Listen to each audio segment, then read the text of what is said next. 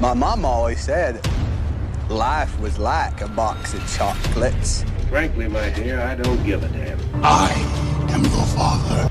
You talking to me? You talking to me? Who are you? You. No, not me, you. Yes, I am you. You one ugly motherfucker.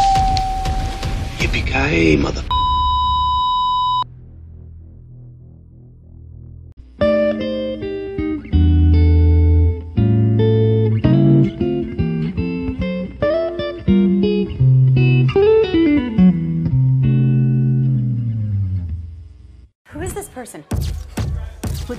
Delvey? Real hot girl shit. Do it, yeah. do it, yeah. do it, do it, do it, I might have a story. do it, yeah. Hey, hey, hey! Selamat bergabung kembali di channel BB69. Sobat BB69, apa kabar nih?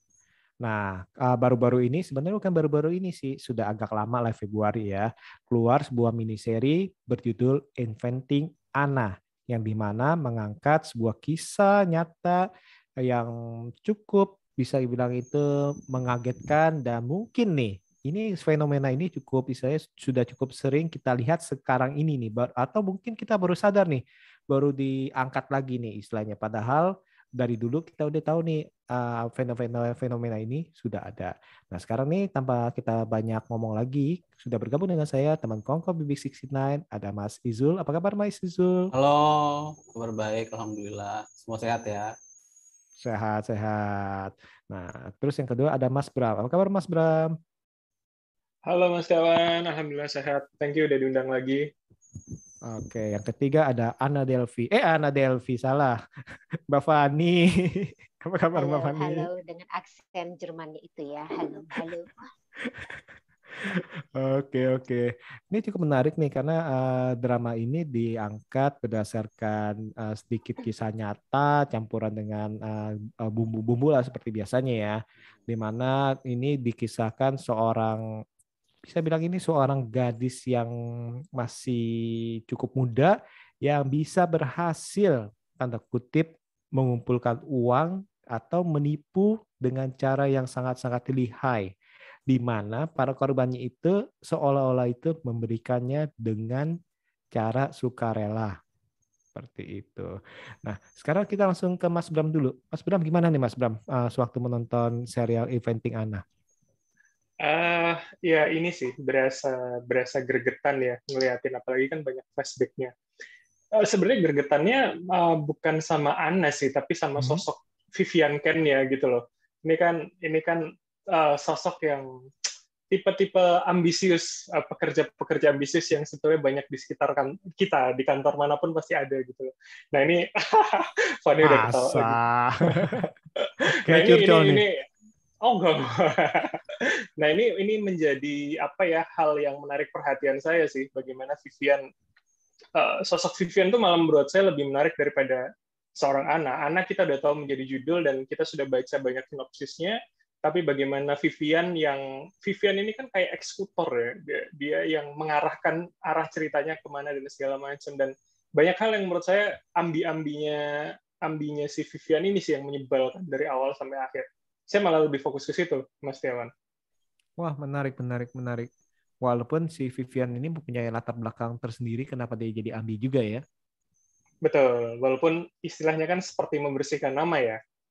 Iya, eh, menebus Betul. dosa atau membersihkan nama istilahnya seperti itu ya. Bukan menebus dosa Betul. sih, bagi dia kan dia kan nggak salah, tanda kutip nggak salah ya dalam arti Iya. yang iya. di masa lalunya seperti itu. Oke oke menarik menarik menarik. Nah kalau Mas Izul sendiri gimana Mas Izul? Hmm, aku ngelihatnya kalau Inventing Anna ini ada kenapa dia lancar banget karena aksi kriminalnya itu kayak udah terendus. Pertama gara-gara Nev, resepsionis di eh, hotel 11 itu. Terus juga eh, banyak yang kena brainwash aja gitu. Kemudian saya kesel sama ambisi-ambisinya si Vivian Ken ini. Agak belok aja kemudian di akhir. Gitu sih. Oke, jadi ini fokusnya ke Vivian dulu nih, dua-duanya nih. Oke. Nah Mbak Fani gimana Mbak Fani?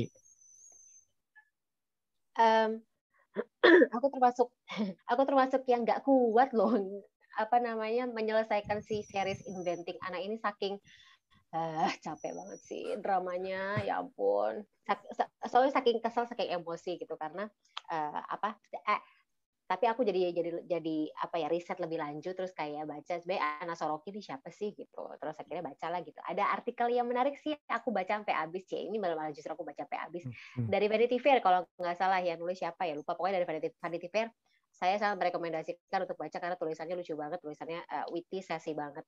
Nah hampir sama seperti Bram dan juga Mazul. Uh, yang lebih bikin sebel itu justru bukan sosok si Ananya sih tapi si Mbak Vivian Ken ini. Kalau aku juga kayak ngelihatnya apa ya semacam tidak hanya ambisinya membutakan uh, idealismenya dia sebagai jurnalis ya gitu tetapi juga kayak uh, ngebelokin moral dia sebagai human being gitu. Kayak aku sih sempet yang apaan emang emang emang sampai begini ya gitu ketika dia menyalahkan kondisi tubuhnya dia menyalahkan kondisi dia ketika lagi hamil dia nyalahin anak yang belum dia, lahirkan gitu sebagai alasan kenapa karirnya dia mandek gitu. Kayak ah ya Allah moralnya segini doang nih Mbak Vivian gitu. Terus tapi kalau tapi itu kan lagi-lagi penyakitnya si si- bukan penyakit ya tanda kutip ya. Gayanya serial yang dibikin sama Mbak Shonda Rhimes gitu. It- jadi bentuk dramatisasi bentuk uh, apa ya hiperbolism dari uh, sosok jurnalis yang sebenarnya yang memang dia bertugas untuk meliput c cari beritanya soal si Anna Delvey ini. Tapi so far kalau empat episode pertama sih masih dinikmati sih tapi semenjak uh, udah mulai terakhir-terakhir gitu kayak kok capek ya? Ah sudahlah tidak aku terusin lebih baik aku membaca uh, real life-nya si si Anna Sorokin ini aja gitu. Tadi si Mas Isul kenapa tuh nunjuk-nunjuk tuh? Kayak setuju. Kenapa? Gimana? Ya karena belok ambisinya itu sih. Belok ambisinya Dan- aja ya. Nah, sebenarnya ini menarik nih. Saya sempat ngomong ke Mas Izul nih sebelumnya ini bahwa nama apa uh, kalau di film ini saya merasa nih kayak nggak ada yang pure abu-abu, ah, nggak ada yang pure putih, nggak ada yang pure abu-abu ya semua, eh, nggak ada yang pure putih, nggak ada yang pure hitam. Kayak semuanya abu-abu gitu karakternya gitu. Jadi Betul. misalnya baik itu dari si Ananya yang kita tahu itu memang tanda kutip eh, ya dia emang bis- penipu kita bilang ya. Dia ini penipu yang menghabiskan banyak uang segala macam dengan caranya sendiri. Tapi ya di satu sisi ya dia itu kadang-kadang baik juga. Nah sedangkan temennya tadi itu eh, bilang itu tertipu gini-gini ternyata itu dia itu menggunakan mendapatkan apa hak untuk ceritanya dapat duit lagi segala macam kan akhirnya ini kan eh, kita bingung nih belum lagi pengacaranya saya sebel juga sih itu aduh. Gregetan. Nah, itu. Tapi di satu sisi ya ini kesempatan dia untuk karir ya kan. Kan seperti itu kan. Nah, ini jadi istilahnya kayak gini nih menurut saya ini cukup yang hmm, cukup unik nih dan hal inilah yang yang sering kita lihat di dalam kehidupan sehari-hari nih. Sangat-sangat benar-benar kita lihat dalam kehidupan sehari-hari. Ada yang dibilang apa temennya itu yang yang yang hotel ya, Sinef ya.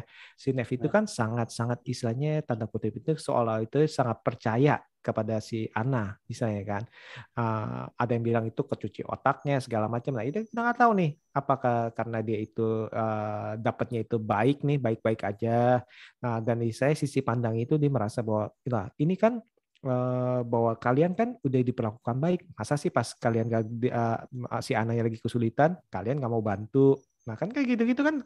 Jadi istilahnya eh, logika-logika itu yang yang akhirnya itu bermain nih di dalam dunia nyata pun seperti ini.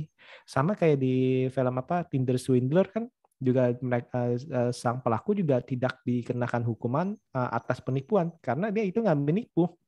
Tanda kutip tanda kutip ya. Tapi dia bisa istilahnya meminta tanpa bisa tanpa paksa. Jadi nggak ada kriminal. Bener gak sih kalau Mas Bram Mas Fani melihat ini atau Mas Izul? Kalau dari segi Ana?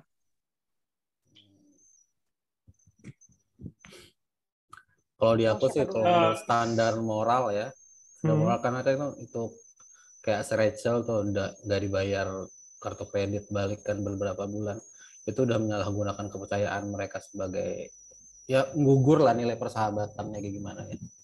Itu standar moral yang harusnya dipakai. Tapi kan kemudian Rachel menggunakan itu buat dia selling book, selling story, dan kemudian dia juga naik. Ya gitu. Jadi Walaupun- kemudian Hmm. area abu-abu kan jadi. Walaupun sebelumnya itu udah sering ditraktir. Ya, ya. Kan? Jadi sebelumnya kan eh, si Rachel kan sering dibeliin apa-apa. Ya sekarang masa sih lu nggak mau bayarin? Tapi nggak sebanding sih, Mas. Karena kan itu kepercayaan ya. Hmm, Oke Kepercayaan. oke. Nah, Mas Bram gimana Mas Bram? Eh, saya sih kemarin di review saya itu saya nulisnya ini adalah fenomena Stockholm Syndrome sebetulnya. Yang Hmm. kemudian mereka yang menjadi korban, korban penipuan itu jatuh cinta atau simpati kepada Hmm. uh, pelakunya. Tapi kalau misalkan kita lihat pun dari perspektif teori ini kan sebenarnya juga terjadi pada Nev dan Rachel gitu loh. Mereka dari awal dibayarin secara terus-menerus sehingga dibangun kepercayaannya. Artinya nggak dalam waktu singkat loh. Uh, Betul. Untuk pertama kalinya uh, kartu kreditnya bermasalah kan di salah satu restoran yang akhirnya Nev uh, bayarin dia untuk pertama kali dan merasa curiga sama Anna. Nah, jadi emang emang uh, yang saya baca dari se, se- yang saya baca memang Stockholm Syndrome akan akan butuh waktu panjang untuk memberikan kepercayaan kepada korban sebelum akhirnya secara tidak sadar akhirnya dia sebenarnya ter, ter apa ya ter Terpancing.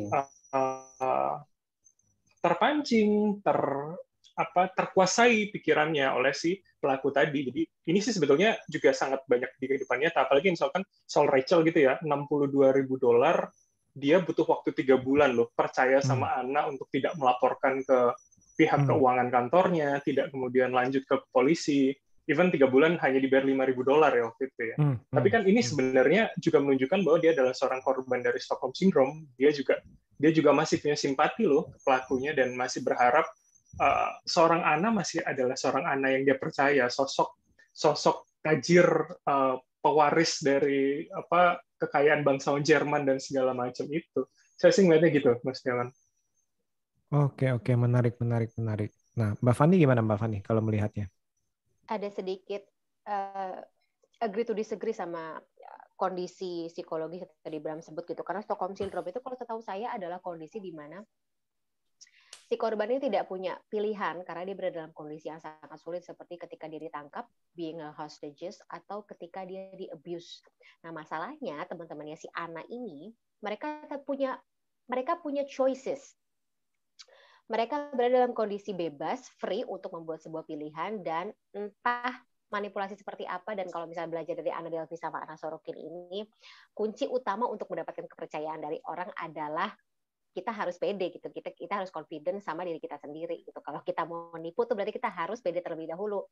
Oke guys, kita bisa berhutang nih sama orang-orang nih ke depannya nih asal kita pede nih guys. Belajar dari Sorokin. Oke, balik lagi. Jadi si Nev, Rachel, Casey, even Vivian Kent, mereka punya pilihan untuk bisa netral, mereka bis, mereka punya pilihan untuk stay logical gitu, tapi tidak seperti itu karena emosi mereka sudah bermain gitu. Lucunya semuanya di sini adalah perempuan ya. Uh, apa sih namanya? Oh sama si desainer juga sempat percaya gitu. Tapi kan si siapa sih desainernya itu paling paling kasihan tuh Uh, salah satu yang Val paling juga percaya loh sampai Val. akhir. Ha, sempat percaya.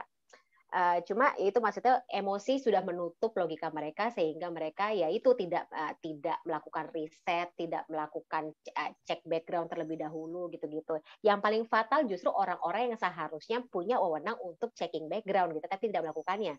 Seperti Andy Reid dan juga para siapa sih itu uh, trader eh, bukan trader hmm. apa sih yang sampai aku sampai aku bingung ini ini posisinya yang mana sih? Pokoknya orang-orang tajir itulah yang seharusnya punya akses untuk cek background punya akses untuk sewa detektif gitu menyelidiki si sosok Anas Ana Delvi ini tapi tidak melakukannya gitu. Hanya karena ya udah dimakan aja tuh ucapan mentah-mentah gitu. Jadi kayak apa orang orang-orang super tajir sebego ini apa gimana? Apa kita yang udah kebiasaan uh, rakyat jelata gitu yang menjaga inventaris kita dengan sedemikian rupa kalau kita sih pasti akan cek cek background gitu kan kayak ini orang benar nggak sih kalau mau apa mau pinjem duit atau gimana? gitu gitu ah orang mau kita kita kita yang rakyat jelata pasti kan tidak akan mempercayakan kredit card kita sama orang asing atau orang yang tidak kita kenal sama sekali rekam jejaknya seperti itu kan gitu. Tapi ini ini orang-orang yang karena udah kaya udah bodoh amat sama uh, jumlah nominal di kredit cardnya jadi kayak sebo, sebodoh amat itu dan itu mangsa yang paling tepat ternyata buat orang-orang seperti Ana yang pinter tapi ya itu memanfaatkan celah kebodohan sosialita ini gitu. Jadi kayak eh nggak ada yang nggak ada yang jahat nggak ada yang, eh sorry jahat semuanya baik semuanya dan uh, sorry manusiawi sorry manusiawi gitu. Jahat dan Hmm. baik kan uh, dua sisi mata dua sisi dalam satu mata uang yang sama ya. Terus kemudian kayak at the end of the day kita percaya we want to believe uh, kita believe apa yang kita ingin percayai gitu. Apa sih pepatahnya pakai gitu deh. Jadi uh, ya udah gitu. Mau mau kita omongin sedemikian rupa mau kita kasih fakta mau kita kasih data yang akurat sedemikian rupa pun kalau kita percayanya ada hal yang ingin kita percaya ya udah. Ya sama kayak sini udah buta. Nah, ini menarik nih, karena saya sempat juga ngomong sama Mas Izul mengenai personal branding dan juga saya mengenai eh, apa eh, kepercayaan dari mulut ke mulut. Nah, ini kan ini justru ini. Nah, kadang-kadang ini kita daripada kita mencari sesuatu yang baru dalam arti, tapi lebih kita lebih baik eh, rekomendasi dari teman kita, rekomendasi dari orang yang kita kenal. Jadi istilahnya dikala eh, orang yang kita udah kenal, udah kita percaya merekomendasikan itu, maka kita sering kali nih agak miss untuk eh, untuk memeriksa segala segalanya. Mungkin itu yang terjadi kali Mas Isul ya. Menurut Mas Isul gimana? Iya, dari awal kan dia udah ke PD ke bank duluan mau pinjam Hmm. segala macam Ditolak. pengajuan aplikasi kredit ditolak kemudian dia cari Hmm. celah untuk mendekati sosialita sosialita sosialita kemudian mendekati eh, pemilik galeri kemudian rantainya di situ berputar kemudian sampailah di, ke circle yang memungkinkan dia dapat dana buat galeri impiannya itu Hmm, dan itu menjadi satu kunci untuk merembet Iya. ke segalanya. Cuman, eh ini eh, gua kenal sama ini istilahnya. Eh ini si ini kenal sama ini atau cuman hanya dengan foto aja istilahnya dengan foto berdua istilahnya kasih unjuk seperti itu ya. Ya akhirnya itu yang yang sempat saya ngomong juga mengenai apa eh, eh, personal branding itu fake famous istilahnya yang salah satunya dibahas di salah satu eh, di OTT kita itu fake famous itu di mana nih eh, dicoba nih istilahnya eh, percobaan sosial itu eh, di mana tiga orang yang biasa nih awam nih di di set sedemikian rupa menjadi seorang yang famous yang akhirnya itu brand-brand terkenal pun me- mengendorse mereka dan itu bisa terjadi. Dan itu dia personal branding ini ternyata ini bisa menjadi eh, sesuatu yang bagus, eh, positif ataupun bisa menjadi eh, mata eh, istilahnya pisau bermata dua nih, bisa sesuatu dipergunakan tadi ini untuk istilahnya untuk hal-hal yang eh, menipu sama seperti yang kejadian-kejadian yang kita lihat di film ini ataupun di film-film lain lah kita bilang ya. Nah, kalau personal branding ini sebenarnya ini apakah salah apa enggak nih Mas Bram? Eh, menurut saya enggak sih. karena karena eh, tergantung tujuannya. Artinya menurut saya Ana sangat sangat berhasil mensosokkan eh, eh, dirinya yang baru sebagai dari Ana Sorokin menjadi, menjadi Ana Delphi. Kan eh, menurut saya dia sangat eh, sangat sistematis ya melakukan melakukan personal brandingnya tidak hanya kemudian kebohongan soal satu hal eh, dia meminjam misalkan, tapi dia mulai itu dari backgroundnya dia mulai dari backgroundnya dia uh, memulai itu ketika dia magang di majalah apa saya lupa yang di Inggris atau yang di Prancis yang pertama kali sebelum akhirnya pindah ke Purple. Amerika. Dia kan sudah memals majalah Purple ungu. Oh iya majalah Purple bener Mas Izul. Ya, dari situ kan dia sudah kemudian memalsukan. Artinya dia sudah seakan-akan membangun uh, kebohongannya gitu loh. Ya, secara panjang. Jadi menurut saya dia merupakan sosok yang cerdas, dia konsisten. Karena kita sering kali bohong sama orang, bisa jadi ngomong sama A ini sama B beda gitu kan. Tapi seperti Ana membangun ceritanya, memindset isi kepalanya, itu sangat Mencuci jelas gitu loh. sendiri gak ya? Atau jangan-jangan dia delusi ya kan, kita juga bisa Nah, bilang antara itu. delusi ataupun mencuci otak sendiri dalam arti uh, menanamkan berkali-kali berkali-kali jadi istilahnya supaya nggak lupa kali ya. Benar, jadi kalau mungkin ini baca- ya, Kalau baca wawancaranya enggak kok. Dia dia sadar dia menipu, Hmm. ya udah itu aja. Ada. Profesional, oke oke. Iya, Dan. Hmm. hmm. Nah, uh, kalau untuk pembangunan uh, personal branding nih Mas Bram nih kita kembali nih. Seberapa boleh sih kita berbohong sebesar apa? Atau mungkin mungkin kan ini kan saya belum belum mencapai tapi kan suatu saat saya pasti mencapai istilahnya. Maksudnya apakah uh, hmm, ya seberapa istilahnya seberapa boleh nih putih hitamnya batasnya nih? Uh, sebenarnya itu seberapa boleh kita tanda kutip ini tidak berkata jujur uh, mengenai diri kita dalam uh, personal branding kita. Kan dalam arti kan kadang-kadang kita lihat nih sekarang nih saya pribadi ini agak agak ragu-ragu bukan sekarang sih dari dulu sih agak ragu-ragu. Sebenarnya apakah image yang di yang ditampilkan di media sosial itu sebenarnya adalah diri mereka sendiri apa enggak nih? Nah, sebenarnya batas-batasnya apa nih kalau menurut Mas Bram nih? Uh, yang jelas karena gini, ada yang mengatakan bahwa ketika kita menampilkan diri di media sosial itu adalah sisi terbaik kita gitu kan. Ini kan artinya sama aja kalau saya analogikan misalkan kita adalah sebuah apel, maka kita akan punya banyak sisi. Ibarat hmm. kita dipotong menjadi empat bagian, tergantung bagian mana yang mau kita tampilkan. Jadi ketika itu masih dalam bagian diri kita, menurut saya itu masih hal yang wajar untuk ditampilkan uh, dalam perspektif personal branding. Tapi ketika itu sudah membohongi, misalkan seperti kasusnya Simon Leviv misalkan, hmm. atau misalkan hmm. Anna Delphi, itu itu yang menjadi tidak benar atau hari ini kalau kita uh, lagi rame ngomongin soal flexing, banyak influencer hmm. yang AIU dan akhirnya ketangkep jadi tersangka dan tiba-tiba enggak. nah itu hmm. itu sih yang yang sebetulnya tidak tidak lazim dan tidak patut pastinya gitu loh. Jadi kalau menurut saya ketika hari ini misalkan contohnya paling kecil kita berempat aja, kita kan pasti punya sosok yang uh, apakah kita sebagai seorang di profesi kita, apakah hmm. kita sebagai seorang yang uh, pada hobi kita, pada minat kita, ini kan hmm. hal yang berbeda. Tinggal mana yang mau kita tonjolkan di media sosial. Jadi itu menurut saya wajar sih, Mas. Wajar. Oke, oke, oke. Menarik, menarik. Nah, tadi sempat ngomong flexing nih. Mbak Fani, gimana, Mbak Fani? Tadi pas ngomong flexing, gini-gini. Ini ini fleksi juga sih, fleksi. Salah ya. ya. Otot ekstensi. Ya, ekstensi fleksi. maksudnya tiap-tiap orang pasti punya sisi yang ingin dia flexingkan sih. Cuma kalau hmm. kalau misalnya belajar dari uh, apa ya namanya? Uh, fenomena sih fenomena yang ada di masa hmm. kini kadang nggak sering sekali influencer-influencer dan juga sosok-sosok sosialita juga sih gitu. Flexingnya juga sampai bisa bikin apa ya penyakit ain ya bo gitu. Sirik dengki nih untuk kita kita yang ngelihat postingannya gitu gitu. Cuma kayak kan kita nggak tahu nih yang mereka perjuangkan jalan seperti apa yang mereka tempuh untuk bisa menampilkan sesuatu itu gitu. Jadi kayak ya seperti katanya Roma Irama dulu gitu yang cukup secukupnya aja sih kalau kita mah yang pasti-pasti aja gitu. Nggak usah membohongi nggak usah menyusahkan diri sendiri hanya untuk menyenangkan orang-orang yang belum tentu senang sama kita gitu. Ci jam-jam bijak nih Fauzia Tapi kadang-kadang kan itu yang yang ingin dilihat oleh saya masyarakat pada sekarang. Berarti wah maunya udah yang indah-indah. Dari dulu sih kan dongeng-dongeng kita tahu sinetron-sinetron dari zaman kita kecil itu kasihnya rumah yang besar-besar seperti itu kan.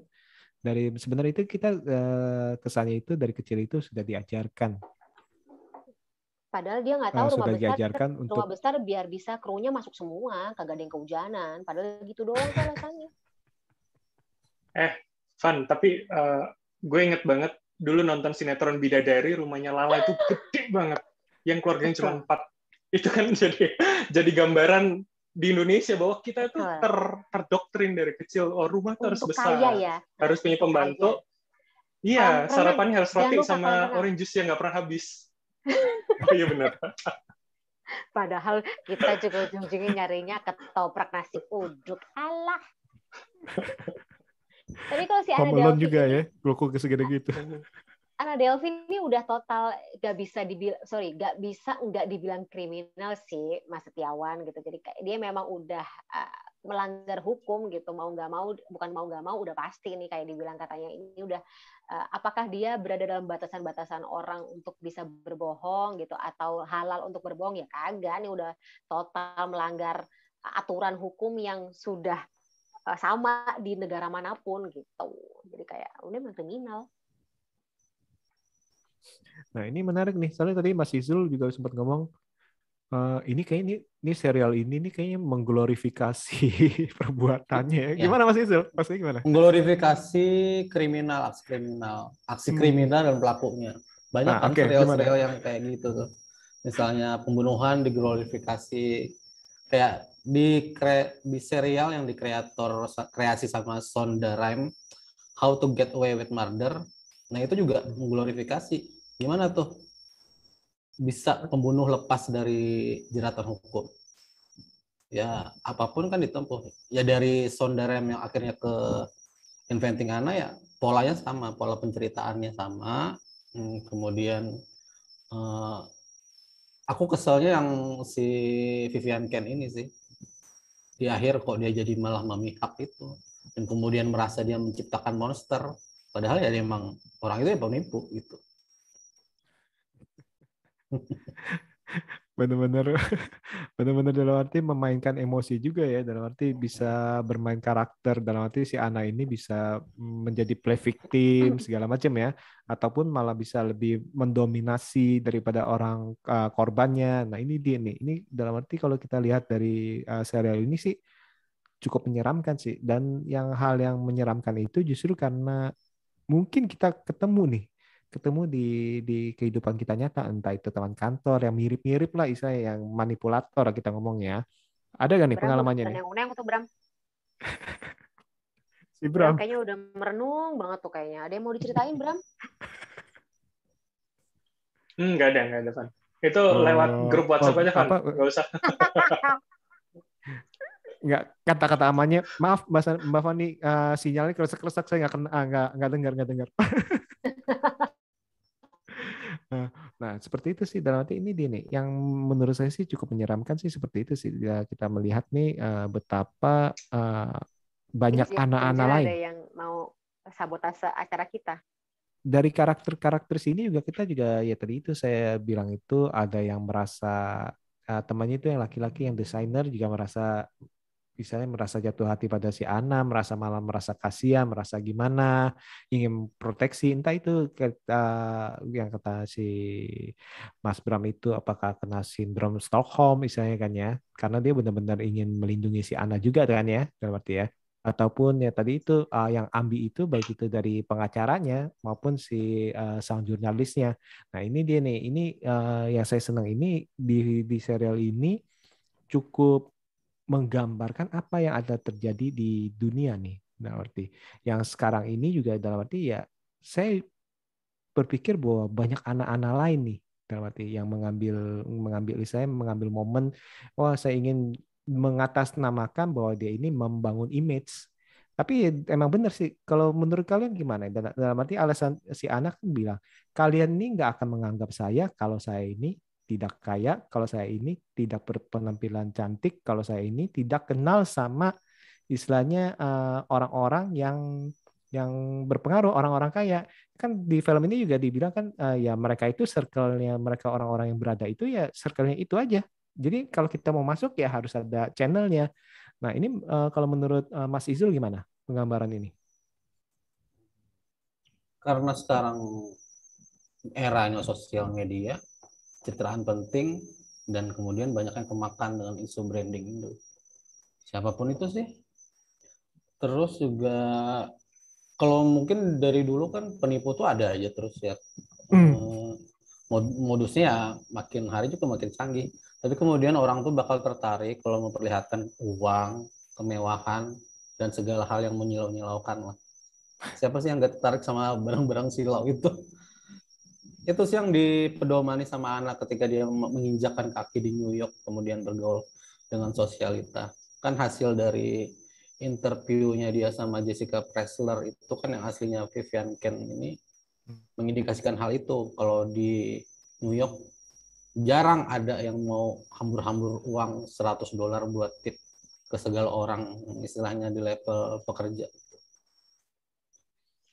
Iya betul. Dan orang misalkan kalau kasih tips segitu ya langsung di disembah-sembah ya, langsung berubah ya. Bener gak sih, Mbak Fani Iya. gimana Mbak Fani? kalau ada yang ngasih tips Ah. segitu, Gak tahu sih kita nggak tahu mungkin karena budaya kita berbeda sama budaya orang Amerika jadi kayak ah, aku rada cannot relate sih sama kebiasaan dan juga habitnya teman-teman sih selain karena aku rakyat jelata ya coba eh tapi habis nonton Inventing Anna aku langsung riset ini kacamata Celine tuh berapaan sih harganya oh oke oke oke oke berapa berapa berapa? Kan. empat apa enam juta gitu kalau nggak salah ya kita nabung dulu nggak apa-apa lah gitu besok besok muka kita langsung Oh, sebagai orang miskin lama nggak relate ya, Van? Maaf. nggak nggak nggak aku mah kacamata ya ampun Kacamata saya berapa duit? Kayak nggak. kacamata beli yang murah saya. tahu bakal patah kacamata mah kita beli yang murah ya tahu bakal patah kedudukan sama pantat Jadi kalau pakai pakai kacamata selin mati, nggak boleh dibawa tidur nih. Terus eh, oh iya jadi eh tadi mana kita? Oh iya, jadi kayak misalnya ngasih tip 100 dolar gitu uang di apa namanya kalau kita kan biasanya ngasih 2 ribuan ya buat parkir gitu kasih tip juga sekitar 2 ribu gitu jadi kayak cannot relate sih 100 ribuan gitu dan di sini belum pernah ngelihat ada orang yang kasih tip sebanyak itu gitu. Even orang kaya tuh kayaknya masih 10% lah sesuai dengan PPH gitu. Jadi kayak ah oh gitu ya oke deh oke deh gitu. Jadi nggak tahu sih belum belum belum pernah ngelihat selain karena kita tidak berga, aku tidak bergaul dengan para sosialita. Gitu. Ah, terus yang itu yang ada kan apa yang mengundi kartu kredit? Makanya cannot relate gitu. Kalau kita oh sorry kita kan ngundinya kartu debit bukan kartu kredit. Mohon maaf. Gitu. uang elektronik Heeh. oh iya Oh, OVO Van. OVO siapa gitu Kartu debitnya yang satu grup diskon 10% nggak, Pan?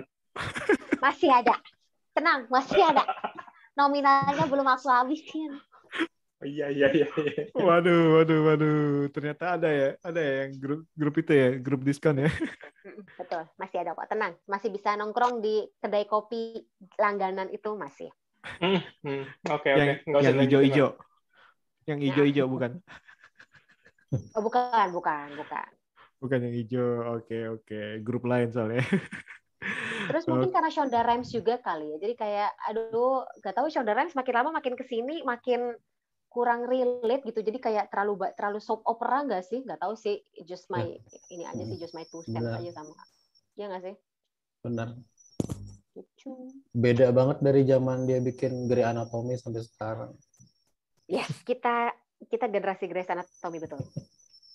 saya saya mau ngaku takut ketahuan umur ya padahal waktu itu pantengin terus tuh waktu waktu kuliah Lepaskan saja Mas. Grey's Anatomy pun juga kayaknya makin ke sini ya Iya. semakin soap opera ya. betul betul Eh, over durasi sih harusnya udah Mak- mak- berakhir seasonnya. Iya. Panjang dipanjang dipanjang-panjangin. Inventing Anna pun juga kayaknya itu terlalu ter- dipanjang-panjangin kayak ada beberapa beberapa momen yang ini dragging banget sih gitu. Terus ya udah uh, again karena itu makanya aku nggak nerusin nggak kuat lah. Lebih baik aku langsung baca biografi aslinya aja. Nah ini setuju nih saya nih. Nah kalau kalau saya pribadi merasa nih eh, durasinya terlalu episodenya terlalu banyak. Iya. Dan istilahnya jadi istilahnya seperti tarik ulur tarik ulur. Istilahnya masih banyak yang bisa dipangkas sih kalau menurut saya sih untuk menceritakan ya keahlian dia ataupun permasalahan latar belakang daripada masing-masing karakter itu harusnya itu nggak sepanjang ini. Gimana, Mas Bram atau Mas Izul setuju gak? Mas Izul? Hmm, Setuju sih. Dia, jadi karena kayaknya apa? Setiap episode kan ada tuh di kilas balik per tokoh. Hmm. Ada beberapa part yang agak stretching, kemudian juga penggambaran tokohnya juga karakternya lebay. Kemudian kita dihadapkan kemudian di akhir baru dimunculkan latar belakang keluarganya kayak gimana. Hmm. Seharusnya kan kayaknya hmm. di beberapa episode sebelumnya harusnya ada udah. Jadi kayak se se kecipratan aja gitu dikit gitu udah. Dan Kayaknya tidak nggak- mengena ya. Iya nggak make sense gitu. Mungkin nggak nggak nggak ada izin kali Mas Netflix. nggak ada I izin tuh keluarganya. Eh, Gimana Mas? Ini sih apa Mas Izul kalau boleh nambahin apa agak agak kentang sih. Artinya kan secara secara grafiknya kita kayak udah emosi banget ya episode ke-7. Tiba-tiba 8 Vivian setelah melahirkan masih berambisi untuk ke Jerman. Apa apa maksudnya effortnya terlalu besar untuk dia ke Jerman mencari sesuatu yang baru pakai translator, tapi kemudian hasilnya cuma seperti itu gitu loh. Jadi menurut saya Yes, itu yes. sepakat dengan Mas Izul terlalu melebih-lebihkan memang dan apa ya kita sudah ekspektasi ini akan terus naik ternyata di 8 turun kan dan 9 ternyata tidak tidak tidak nyambung dengan itu 9 fokus di apa yang di Monaco ya, ya kalau nggak salah saya lupa Mm-mm. jadi jadi maksud saya tanpa 8 pun sebenarnya tidak masalah dan beberapa beberapa apa ya eh, penjelasan kecil-kecil di setiap eh, backstory dari masing-masing karakter sih Hmm, Bram pasti kalau jadi kepala editornya Vivian kan langsung di grounded kali ya gitu. Udah gue kasih duit buat DLN, dinas luar negeri, hasilnya begini doang, gila. Gitu kan pasti. SPJ-nya nggak usah dikasih. Iya, iya. Apalagi udah nggak ada pulang nggak dapat apa-apa ya, Van. Aduh. Mm-mm, gitu kayak SPJ-nya percuma banget nih. Eh, tapi kalau nggak ya mungkin kalau misalnya harusnya Kak, aku nggak tahu kan karena aku nggak menyelesaikan episode terakhir itu cuma uh, correct me if I'm wrong gitu ini nggak ada atau background uh, semacam kayak flashback bagaimana riset yang dibentuk atau riset yang dilakukan sama si Ana Sorokin ini sampai dia menciptakan sosok si Ana Delphi gitu kan sebelum dia menjadi sosialita kan dia pasti harus cari tahu nih mengenai uh, seniman siapa lah gitu. Karena dia kan membangun si ADF itu kan seniman siapa gitu. Dia suka. Hmm. kenapa dia bisa sampai suka dan jatuh hati sampai terjun ke dunia seni gitu-gitu. Sampai dia tahu banyak terus dia tak apa ya bagaimana dia riset background para sosialita di New York ini sehingga dia pede gitu untuk bergaul bersama mereka gitu. Kan gak digambarin ya. Padahal lumayan tuh kalau misalnya dibikin ala-ala film heist gitu bagaimana dia uh, mempersiapkan diri gitu tanda kutip. Atau penipuan pertamanya ya dalam arti ya? Hmm, bisa juga. Oh iya emang penipuan pertama kan. Sayang. Penipuan hmm. pertama ya langsung ya? Iya. Aim high. Fresh graduate, magang di majalah, kemudian New York dan nipu, udah. Hmm. Ya, tapi kan hmm. Cuman kan katanya kan waktu itu kan pas dia bilang uh, di sama teman-teman sekolahnya kan dia kan udah mulai berubah apa penampilan segala hmm. macam. Nah itu dari saya dari yang seorang yang pemalu segala macam itu tiba-tiba berubah dari, berubah drastis itu itu kan tanda tanya itu. Ini mungkin nggak tahu gue apa apa nggak nangkep apa gimana nih Mas Izul. Soalnya kan tiba-tiba yang dari awal itu kayak di di apa di saya di ejek-ejek sama temannya nggak boleh duduk hmm. segala macam. Tapi pas tiba-tiba itu dia langsung berpenampilan gitu langsung apa langsung lawan eh lu ke bajunya itu itu lagi misalnya kan kayak gitu kan kayak yeah. agak-agak drastis sih menurut saya sih jadi polisi mode ya Iya jadi yeah. polisi mode. Fashion police. Yuk. Oke oke. Eh, nah sebelum kita tutup nih, eh, apa nih yang kalian tangkap dari saya ser bukan kita ngomong, ngomong serial deh, kita ngomong itu uh, kejadian uh, dari si Ana ini. Kalau dari Mas Izul apa nih pelajaran yang bisa kita tangkap nih pada saat ini? Hmm, berkaca dari serial ini, uh, kita harus lihat ada salah satu tokoh pacarnya Nep mantan kemudian ya. Jadi dia bilang kita harus curiga ketika seorang menghamburkan duit terlalu banyak hmm. Hmm. dan tanpa kita cek backgroundnya kayak gimana. Itu sih. Betul sih ya. Tapi nggak nggak dipeduliin ya. Oke oke. Kalau Mbak Fani gimana Mbak Fani? Kalau dari sosok anak ini apa nih yang kita bisa kita ambil pelajaran?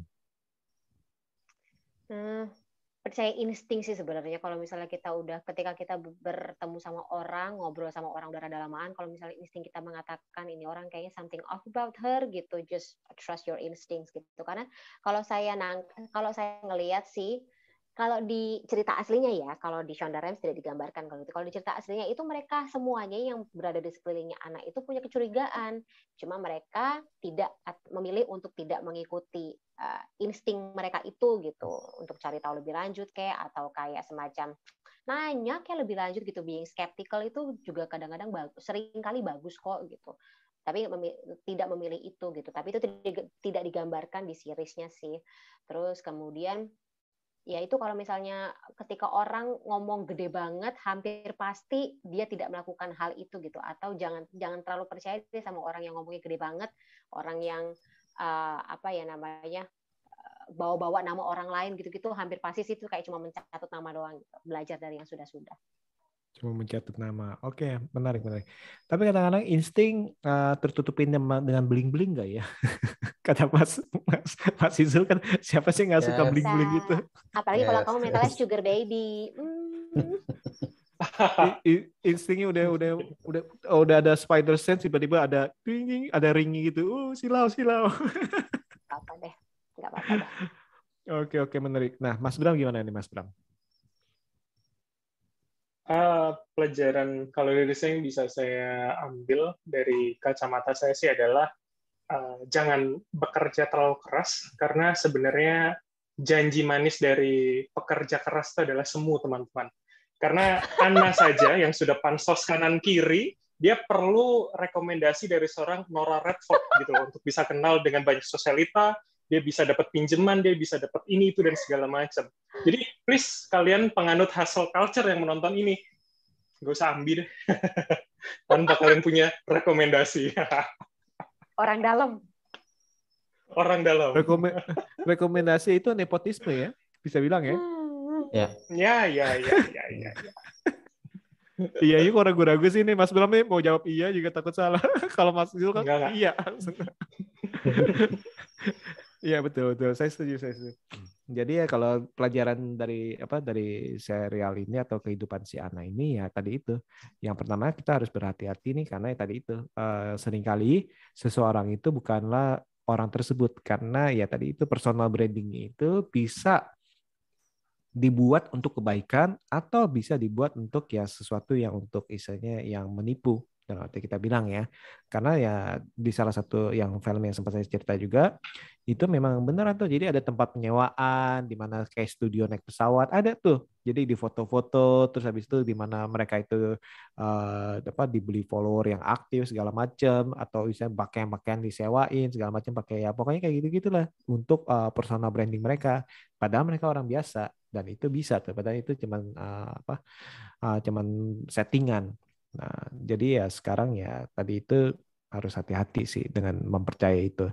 Terus berikutnya juga tadi itu ya, bahwa tidak bisa dipungkiri eh, memang relasi itu diperlukan sih dalam kehidupannya. Jadi eh, yang dibilang itu ya orang dalam segala macam itu ya memang relasi ya itu kita anggap kita lihat segi positifnya di mana kita harus membuat jaringan si network networking kalau bahasanya itu networking ya kayak MLM aja ya networking ya. networking. Nah, itu itu itu perlu perlu dan itu kita perlu, perlu akui. Dan yang terakhir ya tadi itu eh, jangan terlalu eh, percaya dengan orang yang terlihat sangat wah sekali karena ya mungkin aja di balik itu ya harus hati-hati. Oke oke, saya rasa sekian nih eh, perbincangan kita nih untuk apa untuk pembicaraan sosok Anna nih.